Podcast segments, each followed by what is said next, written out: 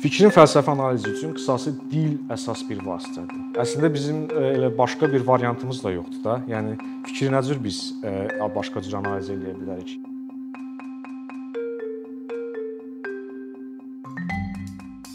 Mən ə, e, analitik fəlsəfə haqqında danışdım. Başdan məlum olduğu kimi bu həm də bir analitik fəlsəfəyə ümumi giriş xarakterli bir mövzu kimi olacaq, həm də müəyyən mənada fəlsəfə tarixi aspekti var. Nəyə görə? Çünki biz analitik fəlsəfədən haqqında danışanda istər-istəməz 20-ci əsr fəlsəfəsi haqqında ə, məlumat vermiş olacağıq. Elə ümumi bölgə varsa, əgər biz 20-ci əsr fəlsəfəsinə baxsaq, onda görərik ki, iki dənə dikotomik bölgə aparılır. Ümumi ə, e, fəlsəfə tarixçiləri, analitik fəlsəfə və kontinental fəlsəfə. Analitik fəlsəfə dedikdə e, bunlar hamısı ikisi də istiqamətlərdir. Yəni o deməkdir ki, bunların içində müxtəlif fəlsəfi cərəyanlar var və tarixən mövcud olubdur. Məsələn, o slayddan da gördüyünüz kimi analitik fəlsəfə, deyil, analitik fəlsəfənin istiqamət kimi məntiqi pozitivizm, atomizm, Oxford dil fəlsəfəsidir. Kontinental fəlsəfə isə mənə gəlir ki, Azərbaycanlı intellektuallara daha çox, daha yaxşı tanış olan fəlsəfə istiqamətli, onlara fenomenologiya, eksistensializm, postmodernizm və digər fəlsəfi cərəyanlar daxildir. Bunların hərəsi içində ən az bir 5-10 filosof sadalamaq olar. Ancaq mən onlar haqqında təbii ki, bir, bir ə, belə deyək də, çıxışda bir söhbətdə bu barədə əhatəli edə bilməyəcəyim. Mən daha çox analitik fəlsəfə üzərində fokuslanacağım və əsas xüsusiyyətləri barədə ə, danışacaq. Deməli, analitik fəlsəfə haqqında ümumi xüsusiyyətləri barədə həmişə danışdıq. Bir, üç mühüm e, məsələlərin üzərində e, dayanırlar.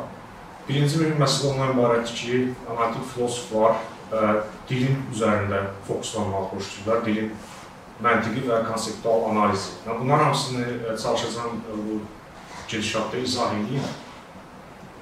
İkinci mühüm xüsusiyyət ondan ibarətdir ki, analitik filosoflar daha çox aydın institutda yazmağa üstünlük verirlər. Bu sizə qəribə gəlməsin. Yəni, bəlkə də bəziləri üçün bayağı görsünə bilər ki, bu elə də fərqləndirici bir xüsusiyyət deyil. Amma siz əgər o 20-ci əsr fəlsəfə tarixinə nəzər salsaq, xüsusilə bu analitik filosofların kontinental ənənənin filosoflarla müqayisə eləsəniz, bu aspektin əhəmiyyəti e, göstərəcək. Söhbət ondan gedir ki, 20-ci əsrin ikinci yarısında bu e, kontinental ənənənin e, filosoflar işləyir. Burada bunlar daha çox e, bildiyiniz o postmodernist fransız filosoflar daha çox Fransada yəni, e, digər Almaniyanın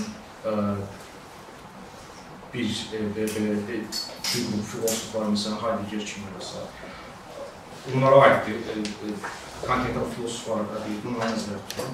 Yazılarda daha çox ə, argumentasiya məsələsini, aydın üslubda yazmaq məsələsi arxa plana keçirdi. Mən demirəm ki, ümumiyyətlə onlar fikirlərini argumentləşdirməkdə və aydın üslubda yazmaqdan imtina edirlər. Amma daha çox hiss olunur ki, məsələn, əgər siz Derridanın, populyar fransız filosofu Derridanın əsərlərinə və çıxışlarına fikir versəniz, onlar daha çox publikalara malikdirlər və xoşlayırlar retorik fəndlərdən e, daha çox e, istifadə edənlər.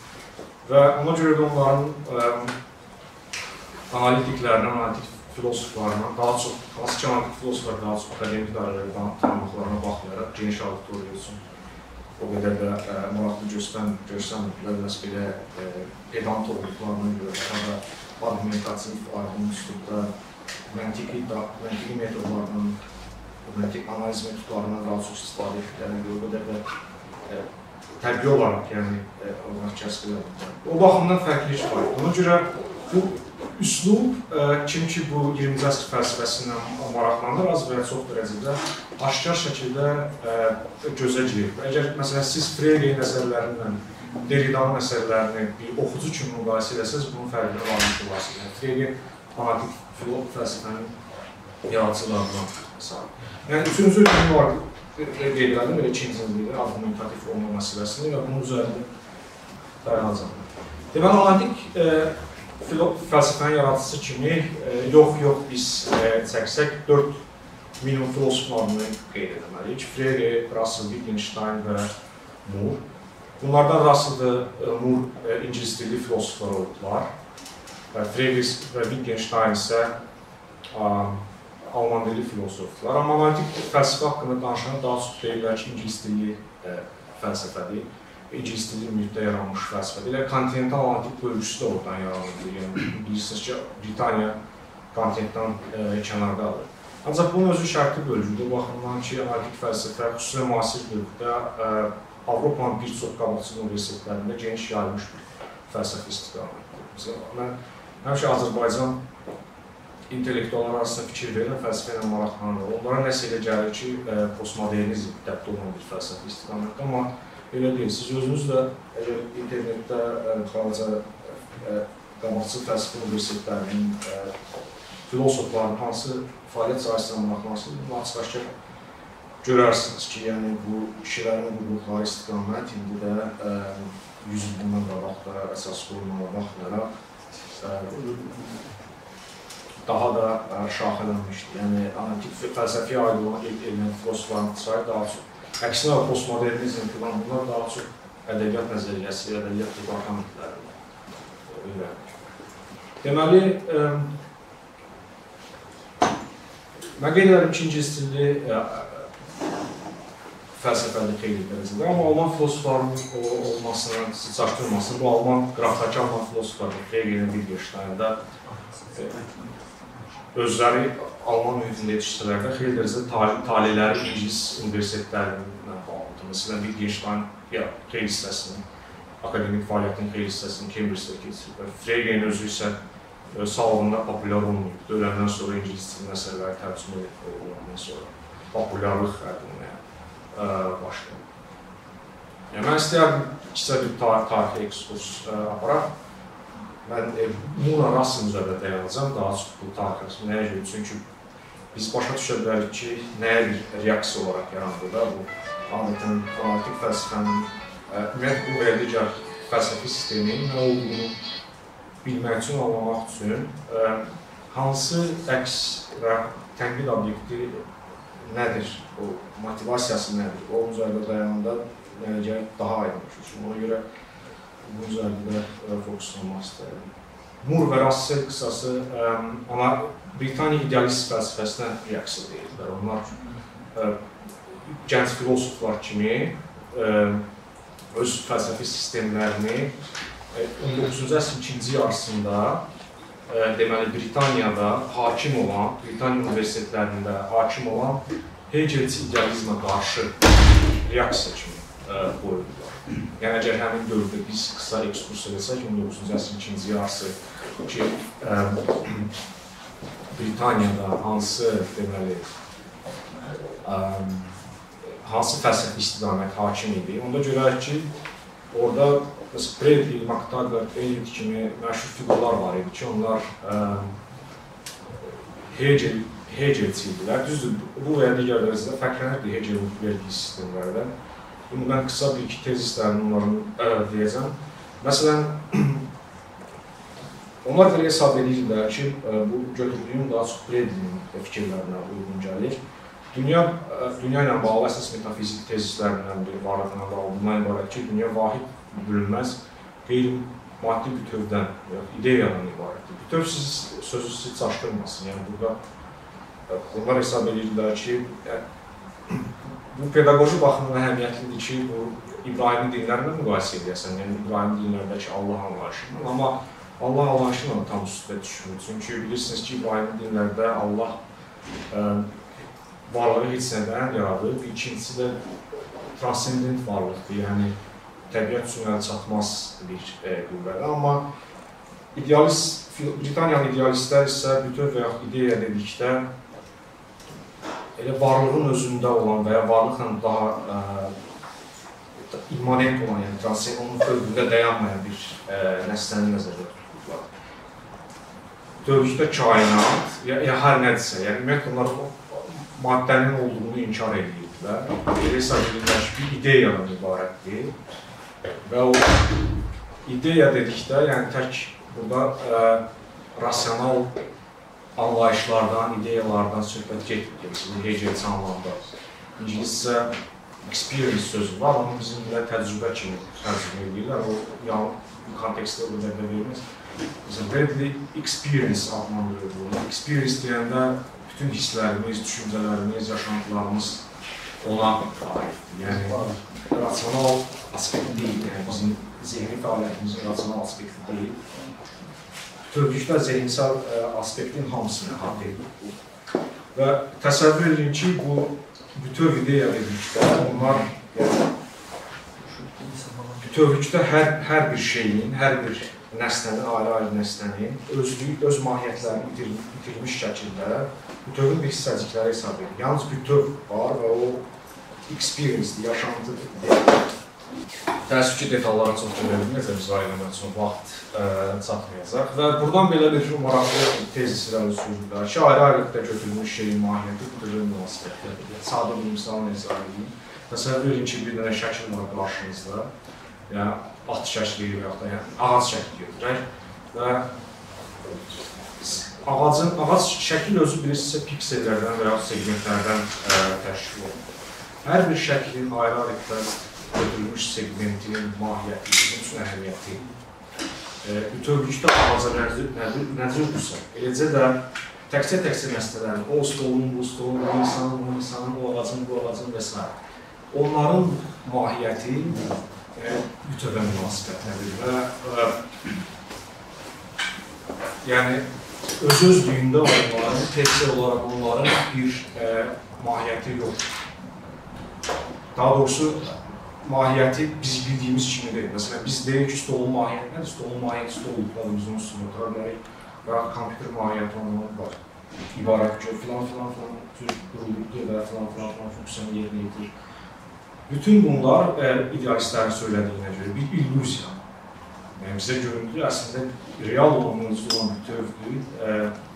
Təkcə-təkcə nəslələr isə ə, bütövün segmentləridir. Buradan isə epistemoloji, mühüm bir epistemoloji nəticə ortaya çıxır. Bir şeyi başa düşmək üçün bütövü başa düşmək lazımdır. Yəni əslində ayrı-ayrı nəslələrin mahiyyətini anlamaq üçün onda biz gərək bütövün mahiyyətini anlayaq və bütövün mahiyyətini anladıqdan sonra yenidən o nəslənin əhəmiyyəti, mahiyyəti bizim üçün bəlli olacaq. Yəni, necə eləyəcəksən bunu, bunu ə, Hegel hansısa qayda izah eləmək bilir, amma Bradley ə, bütövü dərk eləməkdə pessimist imtihan idarəsindən danışırsınız. Russell-lə Murun ə, üsyan elədikləri bu mənzərədir. Yəni, mən idealizm danışanda necə də hiss eləmişəm, idealizm daha çox insanlara belə maraqlı gəlir, nəyə kimi danışacaqlar. Murun dedikləri elə bir e, elə bir e, sensasional görsəm.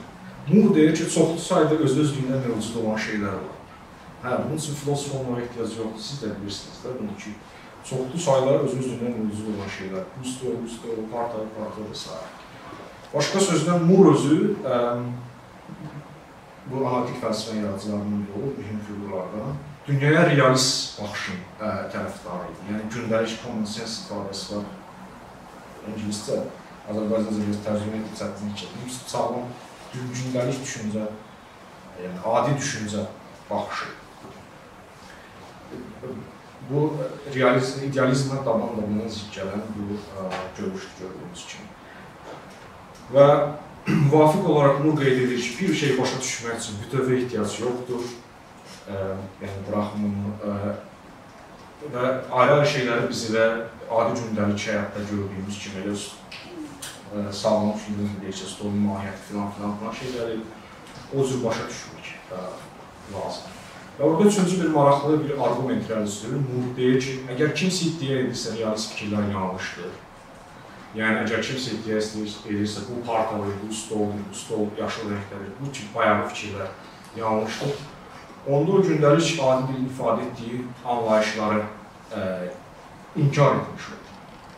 Nəyə görə? Çünki realist baxış adi dilin sözlərinin mənasını tərcümə edir. Bu nə deməkdir? Yəni bizim ə, adi Məsələn, mən kimdənsə soruşsam ki, stol nədir? Siz deyəcəksiniz ki, stol üstündə oturmaq üçün istifadə olunan əşyalar və yaxud burada misal çəkək, bunun öz misalını. Bu əl nədir? Əl əti sümüyü olan konkret nəsnədir, insan orqanıdır və s. və s. Bu cür fikirlər söyləyəcəksiniz. Və bu söylədiyiniz deskripsiya özü əldir əl sözünün mənasıdır da, düzdürmü? Və və o məna özü realist baxışa tərcümələnib. Yəni realist baxış olmadan biz əl sözünü o mənada işlət, işlədə bilmərik. Təsəvvür eləyin ki, idealist bizə deyir ki, yox, bu əl deyil, bu nədirsə bütövə münasibətdə mahiyyəti bəlli olan bir nəsnədir. O əslində əlin əl sözünün mənasını qırağa itələmiş olur. Nəyə görə? Çünki o realist baxışı qırağa itələdir. Hansı ki, o realist baxışla əl sözünün mənası bir-birindən sıx şəkildə, ayrılmaz şəkildə əlaqədədir. Bunun nəticəsi nədir Murder? Çox ağırdır. Çünki bunun nəticəsi odur ki, əgər biz realist baxışı, idealist baxışın yerinə versək, onda dildəki sözlərin ə, mənalarını kənara atmış oluruq və ümumiyyətlə ünsiyyət mümkün olmayacaqdır. Yəni ünsiyyət də dil vasitəsilə mümkündür də. Yəni dildəki sözlərin mənalarını kənara atırsansa, ünsiyyət dil mümkün olmayacaq, dil də mümkün olmayacaqsa, fəlsəfə mümkün olmayacaq. Çünki fəlsəfənin də dil əsasında mümkündür. Və belə bir metafəlsəfi bir tez irəli sürür. Ümumiyyətlə deyir fəlsəfinin vəzifəsi fikirlərin həqiqiliyini müzakirə etmək deyil, həmin fikirləri düzgün analiz etməkdir. Yəni ə, bu əldir və yaxud bu ot yaşıl rəngdədir kimi common sense fikirlərin həqiqiliyini müzakirə etmək ə, qoymaq lazımdır qırağa. Həmin fikirləri düzgün analiz etmək əsas ə, filosofun vəzifəsidir. Bu biraz Mən təəssüf ki, vaxt qənaəti ilə bütün detallarla izah edə bilmirəm bunların bu məsələləri. Ancaq o 4-cü tezis də mühüm, 4-cü e, məsələ də çox mühüm məsələdir. Çünki bu e, yeni bir yeni bir metafəlsəfi e, aspektdir bu. Yəni fəlsəfə nə cür olmalıdır onu göstərir. Fikir verin. Deyir fəlsəfənin vəzifəsi fikirləri düzgün analiz etməkdir. Yəni biz burdan gəlirik konseptual analiz məsələsinə ki, yeni baxışdır bu artıq filosoflar üçün bir növ istiqamətdir. Analiz nədir? Yəni bu barədə çox danışmağa ehtiyac yoxdur. Siz də bilirsiniz ki, analiz ümumi metoddur. Kimyada da istifadə olunur, biologiya, təbiətşünas sahələrində. Ancaq təbii ki, filosof durub kimyaçı kimi kimyəvi maddənin tərkib hissələrinə bölüb və onun tərkib hissələrindən çıxış edərək izah etməyəcəkdir, düzdür? Onda sual olunur, bəs fəlsəfə nəyi analiz etməlidir? Bayaq qeyd elədim. Fəlsəfi konseptləri, anlayışları və yaxud anlayışlar əsasında mümkün olan fikri analiz etməlidir. Fikir ə, dedikdə burada ə, fikir dedikdə burada cümlə adi cümlə ilə ifadə olunan və həqiqi və yaxud yanlış ə, kimi dəyərləndirə biləcəyimiz abstrakt nəsə nəzərdə tutulur. Məsələn, Su H2O-dur, adi bir fikirdir. Su və H2O anlayışlardan təşkil olunub və biz həmin fikri ə, həqiqi və ya yanlış olduğunu bilə bilərik. Nə cür, yəni təbiətə müraciət etməklə. Əgər həqiqətən su H2O-dursa, onda həqiqidir, deyilsə ə, yanlışdır. Fikrin özünün analizi mühüm aspekt daşıyır. Yəni burada siz fikir dedikdə yəni, adi gündəlik istifadə etdiyiniz maraqlı sözləri də götürüb analiz edə bilərsiniz, konseptual analiz və yaxud əgər fəlsəfə ilə maraqlanırsınızsa, daha çox ə, fəlsəfi baxımdan təbii ki, əhəmiyyətli olan fəlsəfi anlayışların özünün və yaxud fəlsəfi fikirlərin özünün ə, analiz edilməsidir. Adi bir dənə misal deyim, məsələn, analitik filosof məsələn təsəvvür edin ki, Platon auditoriyaya girib öz metafizikasını danışır, deyir ki, dünya iki hissədən ibarətdir, ideyalar var idi, burada şeylər onların kölgəsidir və s. Yəni analitik filosof dərhal müdaxiləni belə eləyəcək ki, saxla, saxla. İdeya deyəndə nəyi nəzərdə tutursan? Yəni birinci gəl onu açaq deyən hansı konsepti ifadə eləyir? Bilirsiniz ki, ideya sözü çox mənalı sözdür. Yəni xüsusilə fəlsəfə tarix kontekstini nəzərə alsaq. Yəni bu ə, primitiv bir misaldır. Yəni təbii ki, ondan başlayıb dər bir çox məsələlər ortaya e, analizin gedişində çıxardılar, amma mən e, qısa tutmaq istəyirəm bu məsələləri. Yəni necə eləyəcəksən? Bu sual təbii ki, əhəmiyyətlidir. Yəni əslində mən misalda implisit qeyd elədim. Dammit qeyd eləyirdi ki, belə bir maraqlı bir tərif verdi. 20-ci əsrin maraqlı, olduqca populyar akademik dairələrdə analitik filosoflarındandır. Deyirdi ki, fikrin analitik filosoflar fik fikrin fəlsəfi analizini dil dilin fəlsəfi analizi vasitəsilə eləyirlər. Yəni bu ümumi bir definisiya kimi verirdi ki, əgər analitik xüsusilə bu klassik analitik filosoflar adlarını çəkdiyim müasir dövrdə biraz fərqlənir məsələlər. Fikrin fəlsəfi analizi üçün qısası dil əsas bir vasitədir. Əslində bizim e, elə başqa bir variantımız da yoxdur da. Yəni fikri nə cür biz e, başqa cür analiz edə bilərik? Yəni beynin içində açıb orada biz hansısa hüceyrələri və yaxud e, neyronal strukturu tapıb aşkarlaya bilmərik ki, biz görək kitab deyəndə hansı neyron neyron strukturla korrelasiya oluna bilər və s. Bu mümkünsüz bir şeydir. Neuroscientistlər də bu cümlə iddia edirlər. Ən yaxşı əlimizdə olan ə, e, pislər içərisində ən yaxşı vasitə dildir.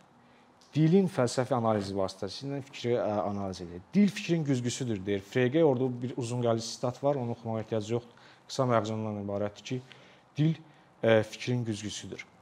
Ancaq dil pis güzgüdür. Yəni güzgüdür, amma əyri göstərdə təsəvvür əyri, əyri güzgü təsəvvür eləyin. Elə bir güzgüdür.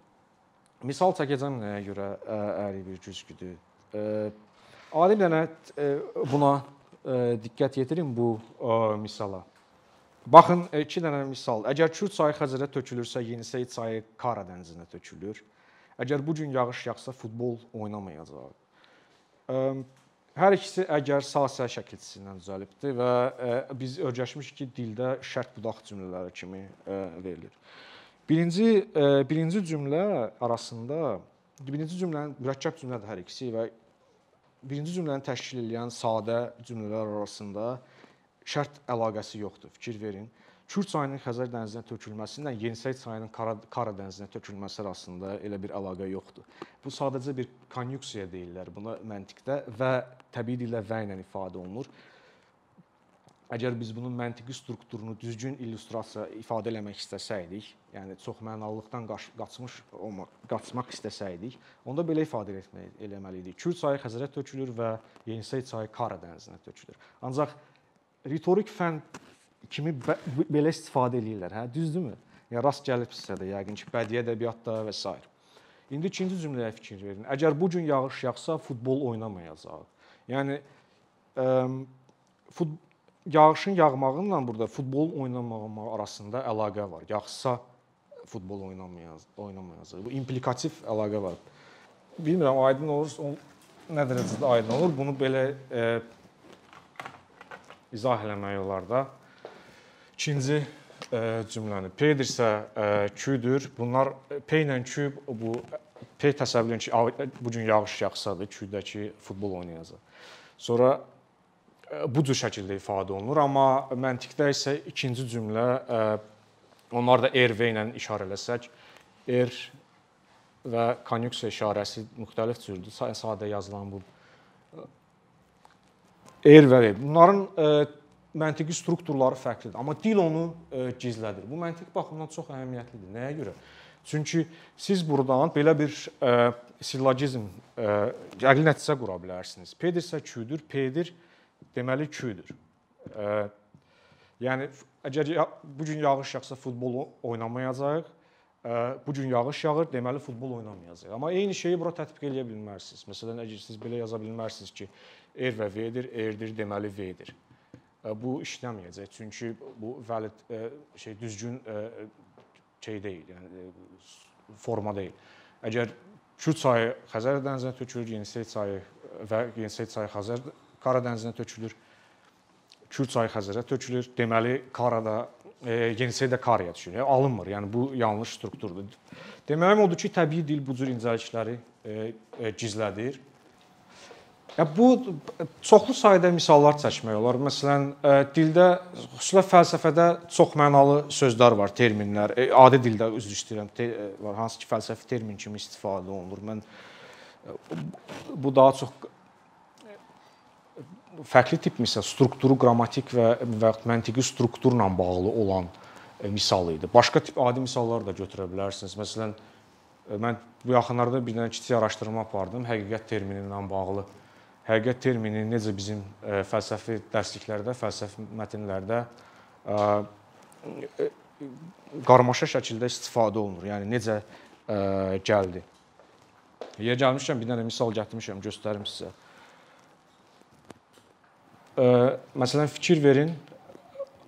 Yəni bu ə, Azərbaycan Ağalar Qutun əsərindən bir hissədir. Ə, daha doğrusu əsərindən yox, bloqundan götürmüşəm onun, amma bu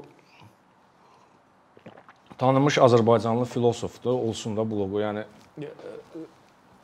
Azərbaycan onsuz da onlar adətən publisistik şeylər yazırlar. Yəni ciddi akademik e, yazıları tapmaq çətindir üzdə olan Azərbaycanlı fəlsəfə adamları arasında.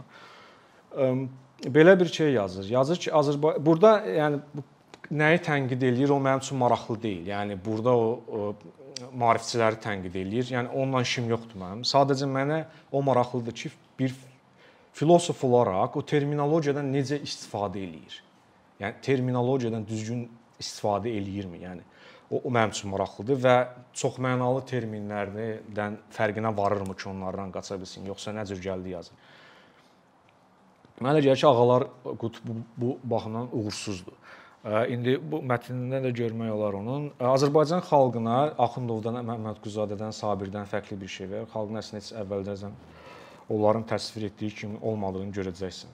Bu burası o qədər də önəmli, önəmli deyil. Burada fikir verin, kursivlə yazmışam, onun üzərində dayanmaq istəyirəm. Onların dedikləri əbədi həqiqətdir. Onlar özləri isə əbədi həqiqətləri tapdı, tapdıqları üçün ölməz ə, dahilərdir. Yəni həqiqət sözünü iki eyni cümlədə iki fərqli mənada e, işlədibdir. Fikir verin, birincidə deyir dedikləri həqiqətdir. Yəni e, insanın dediyi nədir? Söz və yaxud cümlədir, fikirdir. E, məsələn, təsəvvür edin ki, Axundov deyib ki, Azərbaycan Azərbaycan xalqında Azərbaycan xalqın Azərbaycanlılarda savadsızlıq çoxdur. Məsəl üçün belə bir fikirlər sürüb deyək ki, dediklərindən biridir də. Biz onun həqiqi və yaxud yanlış olduğunu müəyyən eləyə bilərik. Yəni baxa bilərik cəmiyyətin özünə, əgər həqiqətən deməli cahillik artıq artıbsa, demə, deyə bilərik ki, o həqiqətdir. Əgər artmayıbsa, yox, deməyəcəyik ki, həqiqətdir. Bu fəlsəfədə işlənən həqiqət anlayışıdır. Yəni mən buna yazılarım belə relasional həqiqət adlandırmışdım. Nəyə görə? Çünki gerçəkliklə cümlə arasındakı münasibəti bildirir. Əgər deyilən fikir və yaxud cümlə gerçəkliyə uyğundursa, onda həqiqidir. E, uyğun deyilsə, onda həqiqi deyil. Bu bir mühüm bir mənadır. Bu fəlsəfədə və məntiqdə həqiqət nəzəriyyələri deyəndə bundan danışırlar. Yəni müxtəlif həqiqət nəzəriyyələri var. Siz baxa bilərsiniz. Həqiqət konsepti olduqca e, Aristoteldən, Platondan üzbəri fəlsəfədə mərkəzi konseptlərdəndir. Ancaq ikinci mənada isə təmiz fərqli mənada həqiqət anlayışı. Onlar özləri isə əbədi həqiqətləri tapdıqları üçün ölməz dahilərdir. Yəni islamçılarla müqayisə eləyir burada. İslamçıların hər yerdə Allahı tapdıq, tapmaqları kimi. Yəni islamçı burada isə mistik həqiqət anlayışına e, müraciət eləyir. Yəni islamçılar və yaxud müsəlmanlar Allah tapmaq deyəndə nəyi nəzərdə tuturlar? Yəni hansısa bir transcendent varlıq var, e, bizim əlimizin çatmadığı və biz ona da bəzən həqiqət deyirik, adi danışıq dilində. Yəni haqqı tapmaq, nə bilim, həqiqətin qapısında dayanmaq, müxtəlif cür ifadələr var fəlsəfi tekstlərdə. E, orda isə o mənanı verir. Yəni eyni eyni tekstin içində, yəni bu bu, bu ikinciyə aidiyyəti yoxdur ümumiyyətlə. Yəni bu dediklərinin dediklərinin həqiqi olmasından və həqiqət olmasından əbədi həqiqət. Yəni fərqli-fərqli mənalardır və bu fərqli-fərqli eyni termin fərqli-fərqli fəlsəfi baxımdan əhəmiyyətli olan anlayışları ifadə edir və müəllif bunun fərqinə varmır, eyni cümlədə istifadə edir. Və mən sizi inandırım belə belə e, yanlışlıqlar o qədərdir ki, yəni mən sadəcə misal təxminən bəlkə də ağalar bəy bunu qulaq assa deyəcək ki, e, yəni başqalarından da tapmaq olardı da. e, o baxımdan üzrlü sayılsın. Yəni amma çoxdur. Hamısı üzdə olan filosofların əksəriyyətinin əsərləri e, doludur. Yəni adamda hərdən təəccüb yaranır ki, yəni bunlar yəni terminoloji baxımdan yetərincə hazırlıqlı deyillər, yoxsa yəni ə, e, mən bilmirəm. Yəni məndə elə təəssürat yaradır bəzən. Deməli, analizi həyata bu bu lingvistik analizə aid misaldır. Yəni lingvistik analiz vasitəsilə biz bilirik ki, bu bayaq həqiqətlə bağlı ə, e, göstərdiyim ə, ki fəlsəfədə və yaxud adi dildə istifadə olunacaq terminlər necə çox mənalılar. Yəni çox zamanda bunun fərqinə biz varmırıq. Ona görə Frege deyirdi ki, dil güzgüdür, amma daha doğrusu başqa analitik filosofları tək Fregenin fikri deyil bu. Ancaq pis güzgüdür. Ona görə analizi həyata keçirmək üçün xüsusi bir alət lazımdır. Alət də nə olacaq? Məntiq olacaqdı. Yəni analizi pis güzgü dax, yaxşı güzgü olsa alət zad ehtiyac olmazdı. Elə e, birəbir e, göstərərdi, amma təəssüf ki, elə deyil. Digər bir mühüm məqam ondan ibarətdir ki, Aristotel məntiqində qırağa atırlar bunlar. Çünki Aristotel məntiqi əldə olan həmin dövrdə məntiq Frege üçün e, əhəmiyyətli sayılmır. Çünki o işləyə bilmir. O xüsusilə riyaziyyatla bağlı olan fikirlərin analiz olunmasında və belə hesab edir ki, yeni məntiqə ehtiyacı var və yenidən məntiq ə, verirdi Frege. Ə, bu kvantorlar məntiqi adlanır. Ə, bu kvantor məntiqini verir. Bu funksiya əsas 2 dənə xüsusiyyəti var bunun. Funksiya arqument analizini məntiqə tətbiqi. Bu sadə bir şeydir. Yəni bəlkə də eşitmiş olarsınız funksiya analiz riyaziyyatdan bu funksiya e, arqument analizi. Məsələn, y və yaxud fx-də yazılırlar. Bəzən 2x bu sadə bir funksiyadır. Biz bu x dəyişəndir. Buna arqumentlər verərək y-in funksiyanın qiymətini tapırıq. Düzdürmü? Məsələn 2 qoysaq 4 eləyəcək, 3 qoysaq 6 eləyəcək və s. sonsuza qədər aparmaq olar bu əməliyyat. Frege belə hesab edir ki, anlayışlar özləri və yaxud konseptlər funksiyadır. Məsələn, tələbədir və yaxud tələbə anlayışı dil şəkilçisi bilirsiniz dillə görə götürür də bu. O qədər də əhəmiyyətli bir deyil məntiq baxımından. Bu da funksiyadır. Necə ki y bərabər f y bərabər 2x funksiyadır. Yəni doy necə ki bu doymamış bir funksiyadır. Doymamış deyəndə bu x dəyişən axı buna biz qiymət verməliyik ki, bunun funksiyanın qiyməti məlum olsun. Məsələn 2 qoysaq qiyməti 4 olacaq, 3 qoysaq 6 olacaq və s. Eləcə də bu tələbə konsepti özü e, funksiyadır. Biz bura e, deməli arqumentlər qoymaqla fikir alıb qiymətini müəyyənləşdirə bilərik. Məsələn, burada tələbə varsa, Fərhadı mən tanıyıram. Fərhadı qoysaq, incimirsən də yəqin. E, Fərhadı qoysaq, onda bunun qiyməti həqiqi olacaqdır həqiqi. Əgər məni qoysanız yanlış olacaq. Necə ki, məsələn 2 qoysaq bura 4 eləyirsiniz. Fərqi ondadır ki, burada ə, funksiyada qeyri-müəyyən sayda, sonsuz sayda biz arqumentlər verməklə qiymət ala bilərik funksiyada, amma burada 2 dənə qiymət olacaq. Ya həqiqi, ya yanlış, ya həqiqi, ya yanlış. İkisinin arasında ə, dəyişəcək. İkinci mühüm ə, xüsusiyyəti ondan ibarətdir ki, bu ə, məntiqin bütün hər bir bəzi bir sıra bir çox sözlərlə başlanan ə, e, propozisiyalar tə, ə, e, təhlilində istifadə edilir. Kvantorlar deyirlər bu təbii dildə bu cür sözlərə. Bunlar kəmiyyət bildirən ifadələrdir. Məsələn, bu təkcə bir nəsl haqqında bir e, fikir idi də. Məsələn, mən yaza bilərdim ki, bütün tələbələr canlıdırlar və yaxud bəzi tələbələr yaxşı oxuyurlar. Onda bu ayrıca onların təhlilə də ehtiyacı var. Mən bilmirəm onların hamısını mən deyə bilməyəcəm, üzrcü sayın. Ancaq onlar özü də mühümdür. Bu təhlillər özləri də mühümdür. Nəyə görə? Çünki bəzən elə olur ki, dildə cümləni e, bu kvantor bildirən ifadəni işlətməyəndə çox mənalılıq yaranır. Məsələn, mən bir dənə misal tapışım. Atalar sözlərini xoşlayıram mən misal kimi çəkməyə. Məsələn, igid ölər adı qalar. Burada söhbət bütün igidlərdən gedir, yoxsa bəzi igidlərdən? Məsələn, bunun özü çox maraqlıdır. Nəyə görə maraqlıdır? Məntiqi baxımından maraqlıdır. Əgər siz bütün igidləri nəzər əgər atalar həqiqətən bütün igidləri nəzərdə tutublarsa, onda bu atalar sözü yanlış çıxır. Nəyə görə? Çünki ə, bütün onun ə, kvantorlar məntiqinə görə ə, belə bir bu cür yazılır. Bütün x-lər üçün əgər x əgər x igiddirsə, və ölürsə, e, onda adı qalır. Fikir verin burada. Əgər bəzi bəzi e, bir yaxud bəzi yaxud bir sıraları nəzərdə tutursa, elə x-lər vardır ki, onlar e, igiddirlər və ölürlər və adları qalır. İndi maraqlı məqam bundan ibarətdir ki, bu cümlənin iki cür oxunuşu var. Yəni eyni cümlənin e, iki cür oxunuşu var. Birinci oxunuşda atalar sözü yanlışdır. O kvantoru gizlətdiyinə görə, demədiyinə görə biz bilə bilmirik. Yalnız interpretasiya eləməliyik bunu, tapmalıyıq. Birinci oxunuşda yanlış çıxır. Axı bütün igidləri öləndə adları qalmır. Tarixdə en qədər nümunə çəkə bilərsiniz ki, məsələn 2-ci Dünya müharibəsində e, o qədər bastırıblar ki, adlar məlum deyil kimdir. İndi ola bilər ki, çox güman ki, onların içində də igid insanlar olub da. Yəni bu cür oxunuşda yanlış çıxır. Özə fikir verin ki, burada bütün qabağına qoyanda daha güclü tezis alınır. Çünki burada Frege belə hesab edir ki, bu oxunuşdan fikir verin, bütün x-lər üçün əgər x yetdirsə və ölürsə, sənlə deyirəm mən, səhsə onda adı qalır. Yəni bu ə, anlayışlar arasında ə,